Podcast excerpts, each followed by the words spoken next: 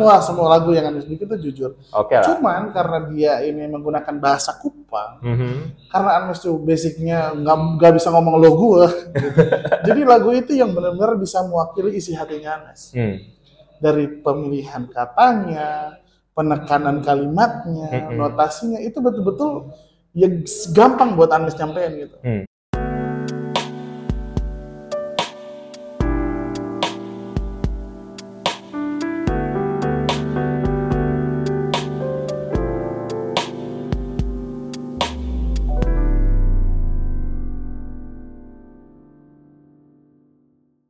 Baiklah semuanya, kita kembali lagi di episode terbaru The Felix Martua Series, Indonesia's Ultimate Music Podcast bersama aku, jurnalis musik Felix Martua.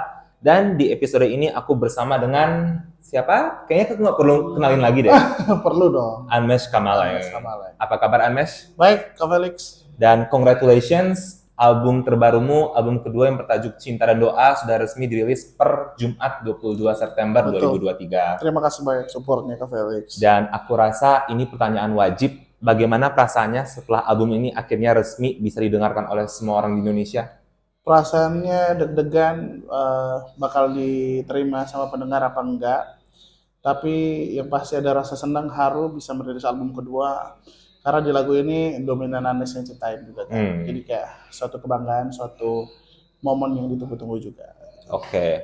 Nah, Anmesh sudah berkarir secara profesional selama kurang lebih lima tahunan lah ya. ya baru mau masuk tujuh Udah mau masuk tahun ketujuh ya. Dan di sini Anmesh tidak hanya aktif sebagai seorang penyanyi, tapi juga sebagai songwriter untuk musisi lain dan juga music producer. Itulah kenapa aku merasa sangat appropriate kalau kita melihat secara garis besar tumbuh kembang Anmesh sebagai seorang musisi. Boleh? thank you thank you Kak Felix Oke. Aku pengen ngajak Anmesh untuk sedikit mengevaluasi mengenai era cinta luar biasa. oke Tahun 2019, Where Everything Began. Iya.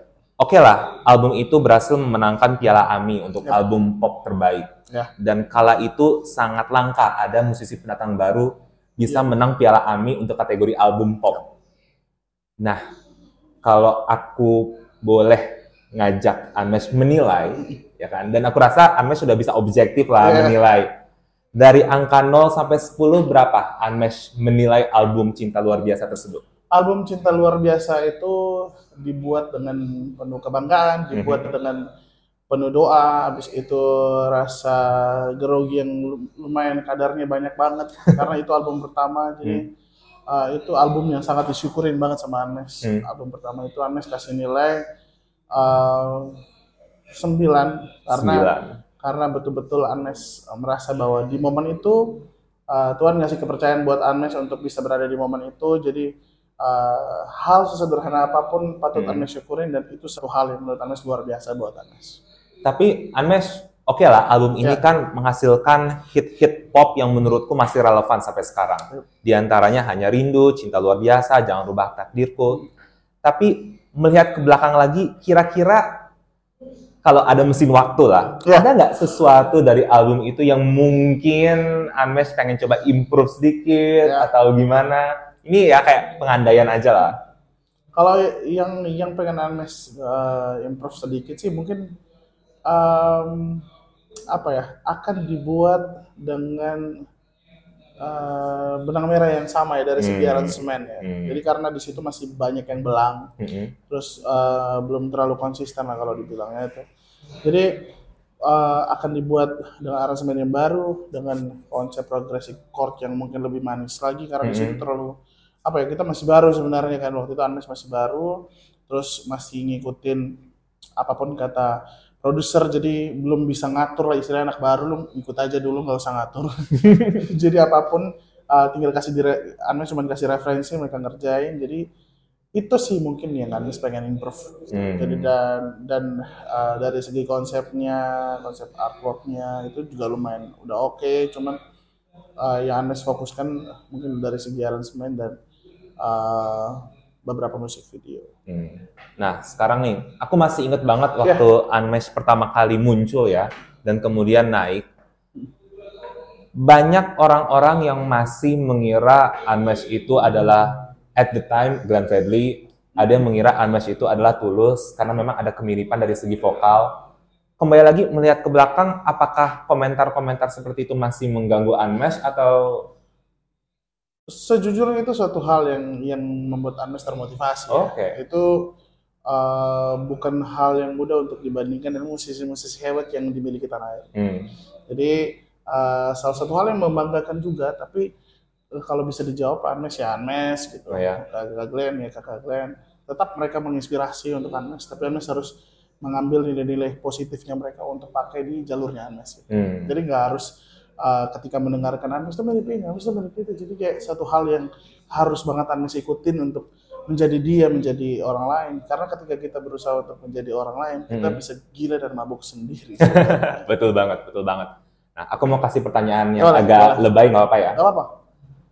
Bagaimana sih rasanya mengetahui bahwa kini seorang Anmesh Kamaleng menjadi salah satu sosok yang paling berpengaruh di skena musik pop saat ini? Emang lebay sih. Tapi nyatanya seperti itu kan, banyak hit-hit dari penyanyi lain yang digarap oleh Unmesh, baik itu secara langsung maupun secara tidak langsung. Oke. Dan Ah. sekarang kalau orang berpikir musik pop, most likely nama yang pertama kali muncul di kepala mereka adalah Unmesh Kamaleng. Udah bukan Unmesh lagi, Iya. Unmesh Kamaleng full Iya. name. Ya senang gitu, senang. Mhm. Terus habis itu masih mau belajar lagi untuk bikin lirik yang bagus lagi, Hmm. habis itu musik yang bagus lagi. Karena menurut Unmesh kalau kalaupun ada pengaruh itu, Mhm. Unmesh pengen berpengaruh dengan kualitas yang lebih bagus lagi. Oh. Jadi bukan berarti sekarang nggak bagus ya, tapi kita harus Mhm. punya rasa untuk uh, lebih baik lagi ke depannya. Habis itu punya rasa untuk me- mengimprove lagi diri kita lebih baik, mengimprove lagi musikalitas kita, musik uh, aransemen yang kita miliki sebelumnya mungkin ke depannya bisa lebih pas lagi bukan Mhm. bukan yang sirkus banget tapi yang yang pas dan enak orang dengar dan emang progresi chordnya itu ya ya asik aja gitu. Hmm. Jadi kalau emang dapat posisi kayak gitu sih Ernest senang banget dan semoga Ernest bisa selalu menginspirasi sih. Nah, ini pengamatanku ya, Unmesh. Ketika seorang musisi semakin sukses dan semakin sukses, biasanya mulai muncul juga yang namanya tanggung jawab. Apalagi untuk industri musik secara keseluruhan. Ya. Sekarang di usia Unmesh yang menurutku masih sangat muda, 27, 26 itu masih muda banget lah. Apakah Unmesh mulai merasakan tanggung jawab juga untuk memajukan industri musik Indonesia? Udah mulai kerasa nggak kayak ketegangan gitu gitu loh. Kayaknya aduh kalau gua bikin karya jelek bisa-bisa seantero industri bakal turun juga nih. Ya, ya itu itu pasti ya, itu pasti Hmm. mulai ada uh, rasa uh, beban dalam diri Anda sendiri untuk bisa terlibat dalam uh, beberapa momen kalau misalkan ada pembahasan musik kan juga Iya. pengen ikutan tapi karena kita industri musik di Indonesia ini Hmm. punya begitu banyak uh, musisi-musisi yang sudah lebih dahulu dan mereka tuh hebat-hebat. Hmm, Jadi untuk untuk saat ini Anda merasa masih aman industri musik di masih Indonesia aman.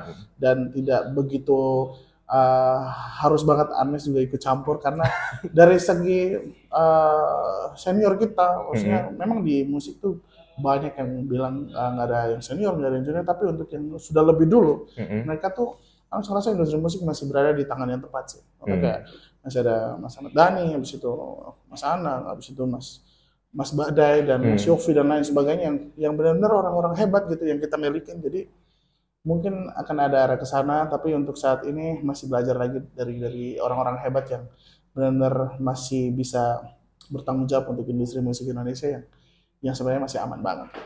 Bicara soal beban, kamu merasakan ada semacam beban nggak ketika giliran kamu untuk masuk ke era berikutnya, which is era cinta dan doa ini?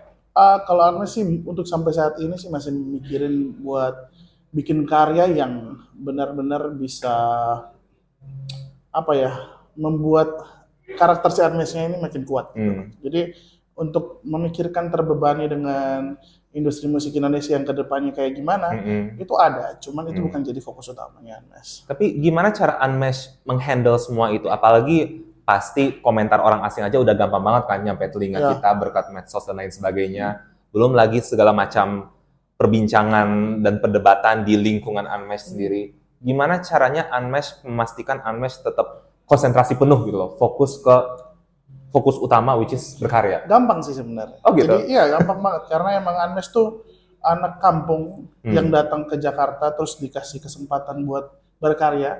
Itu yang selalu Anmes pakai. Hmm. Jadi ketika ketika Anmes mulai mulai belok ke yang lain. Pikiran itu, mindset itu yang bikin Anmes harus balik lagi untuk fokus karena tujuan utamanya Anmes itu ketika dikasih wadah ya berkarya. Hmm. Jadi ketika Anmes mulai mulai jauh gitu pasti pasti itu itu yang membawa Anmes kembali. Gitu. Hmm. Membawa Anmes kembali untuk fokus bikin karya, fokus untuk album, fokus untuk uh, menginspirasi teman-teman dari NTT dari Timur untuk bikin Mhm. karya yang bagus lagi gitu. Jadi hmm, rasa syukurnya Anmes ketika berada di Jakarta itu kan tinggi banget. Hmm. Ketika Anmes berada di sini, Anmes merasakan bahwa oke sudah sampai di sini. Sebelum punya lagu, pasti Tuhan punya rencana buat Anmes. Hmm. Udah jauh-jauh dari Kupang ke sini, pasti akan dikasih lagu, kasih album, kasih uh, positioning untuk bisa menjadi inspirasi. Jadi, jadi itu semua sejalan dan gak boleh Anmes lupain itu dan itu yang selalu menjadikan Anmes untuk mengingat diri Anmes itu siapa yang yang akan selalu berkarya ke depannya. gitu. Nah, giliran Unmesh bikin karya untuk penyanyi lain, Hmm. apakah itu lebih mudah atau malah lebih sulit lah dibandingkan dengan bikin karya untuk Unmesh saja? Itu sulit sih. Sebenarnya Lebih sulit. jujur kalau bikin karya untuk orang lain sulit banget. Hmm. Karena kita harus tahu uh, uh, range vokalnya kayak gimana, Ah. habis itu style nyanyi itu kayak gimana, habis itu dia sering nyanyiin lagu yang kayak gimana sih, terus albumnya dia kayak gimana, lagu sebelum dia kayak gimana, karakternya kayak gimana itu harus dipikirin. Hmm. Jadi bukan cuman punya stok lagu, habis itu ngasih ke dia, itu bukan Amis banget. Jadi ket- ketika Oke. ada yang minta lagu, Amis cari tahu tuh, oh suaranya kayak gini, range vokalnya kayak gini, kulik-kulikannya ketika nyanyi kayak gini. Riset ya. Iya riset Riset, kita riset. nggak boleh ngasal doang jadi ya Hmm. itu mungkin susah banget tapi ketika kita berhasil membuatkan lagu untuk dia dengan Iya. karakter dia dengan Hmm.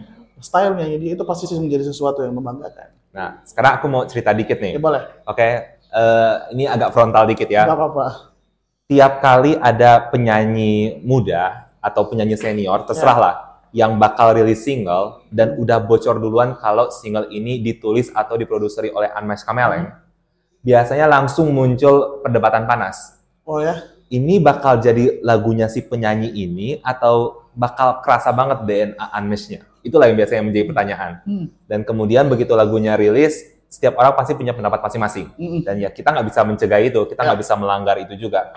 Pertanyaanku buat Unmesh, kamu pernah nggak punya kekhawatiran, you know what, lagu ini kan harusnya buat si A, si B, Ya. si C.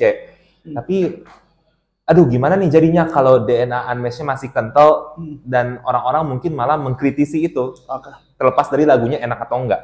kalau Agnes intinya ketika Agnes setor lagu untuk dia Mhm. ngasih lagu buat dia ketika dia suka dan dia ngerasa bahwa oke ini gue banget. Si penyanyinya. itu sampai di situ aja. Setelah Hmm. itu orang mau kayak gimana, Anmes cuma cukup sampai di situ. Karena intinya dari Anmes secara pribadi, si penyanyinya yang Anmes bikinin lagu itu dia nyaman. Hmm. Kalau terlepas dari situ orang mau bilang ada rasa Anmes, ada rasa apa, Anmes sudah mengikhlaskan lagu itu untuk dia dan nggak mikirin yang lain-lain sebenarnya. Karena um, mau gimana pun kayak Anmes bikin lagu buat Teh Ocha, Mhm. orang mau bilang itu rasa ada rasa Anes ya tapi bagi Anes ya kalau Teh Ocha udah senang Teh Ocha udah bahagia dengan lagu tersebut ya ya udah itu udah kepuasan dan kebanggaan juga buat Anes Hmm. gitu. bahkan ada beberapa lagu yang Anes bikin buat orang lain Mhm. dan sebenarnya bisa Anes masukin ke album yang belum dirilis itu Anes benar-benar simpan untuk dia Oh yes. jadi Anes benar-benar simpan sampai kapan dia mau ambil lagu itu baru uh, Anes tuh lepas lagu itu. Nggak pernah karena dia itu lagu buat orang lain. Akhirnya Anes kayak, oh lagu ini bagus gitu. Ambil deh buat album Anes nggak Hmm. kayak gitu.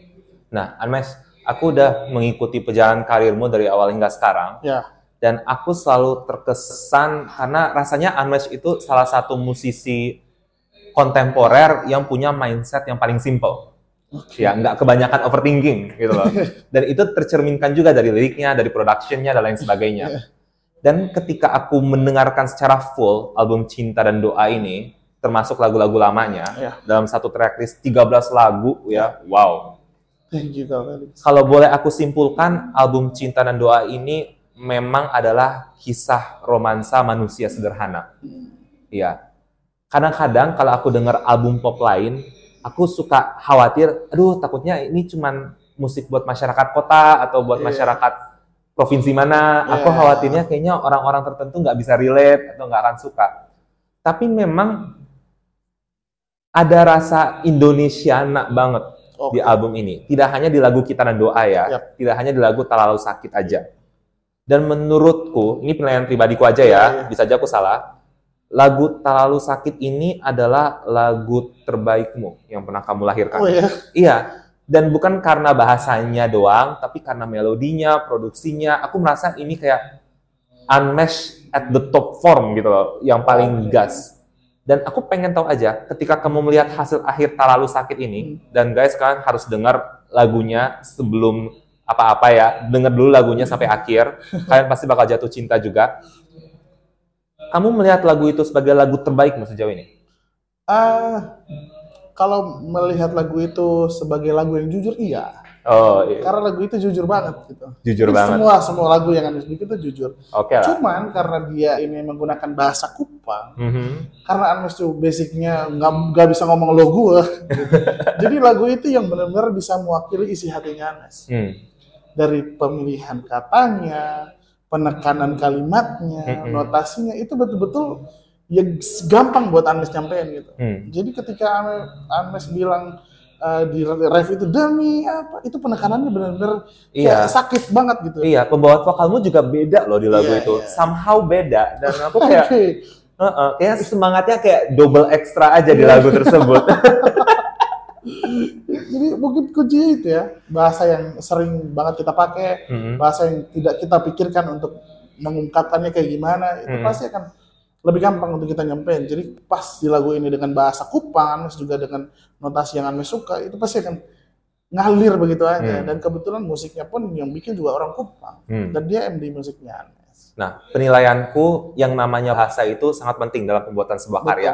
Menurutku tidak semua lagu dalam bahasa Indonesia, tidak semua lagu harus dalam bahasa Inggris. Yap. Pertanyaanku adalah kenapa dari semua lagu tak lalu sakit yang kemudian diputuskan untuk pakai bahasa Kupang? Kenapa nggak kita dan doa aja? Oke, karena Tanah Sakit ini kan terinspirasi dari si teman Anes Bocok itu kan. Ah, ya. Jadi ini juga salah satu penghargaannya Anes untuk anak-anak Kupang yang selalu support Anes. Hmm. Dari awal Rising Star sampai di titik ini, eh Anes tuh jarang banget ngasih kayak hadiah buat mereka. Dan ini Hmm. mungkin hadiah buat mereka. Anes membuat lagu yang dirilis di album album kedua Anes, Hmm. tapi ada lagu bahasa Kupang itu pasti mereka senang banget. Semoga kalian senang dan ya mungkin itu alasan terbesarnya ya. Dan Hmm. juga Anes pengen mewakilkan si cerita cerita si bocok itu. Oke. Permainan. Anmesh, eh, Yep. tanpa terasa kita sudah di akhir waktu wawancara Oh, kita. siap. Nggak berasa Dan ya gitu. nggak berasa ya, Kayak- keren banget sih.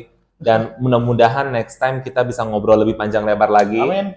Dan mudah-mudahan aku nggak perlu nunggu empat tahun untuk album berikutnya lahir. Ah iya siap siap. Empat tahun itu Iya, lumayan lama empat sih. tahun ya. Empat tahun ya. Oke. Nah, aku mau tutup dengan pertanyaan yang agak receh aja lah. Boleh. Jadi kan baru-baru ini banget diumumkan akan ada film biopiknya Glenn Fredly Ya. yang mana Glenn Fredly akan dibintangi oleh Martino Leo. Oke. Nah, ini pertanyaan receh banget.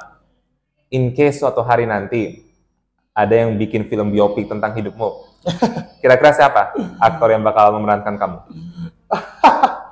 Aktor ya yang bakal memerankan Anes. Dan apa syarat prasyarat yang harus dia penuhi? Aduh, siapa aja sih? Siapa Oh, aja? Ah, yang pasti Dia harus bisa nyanyi.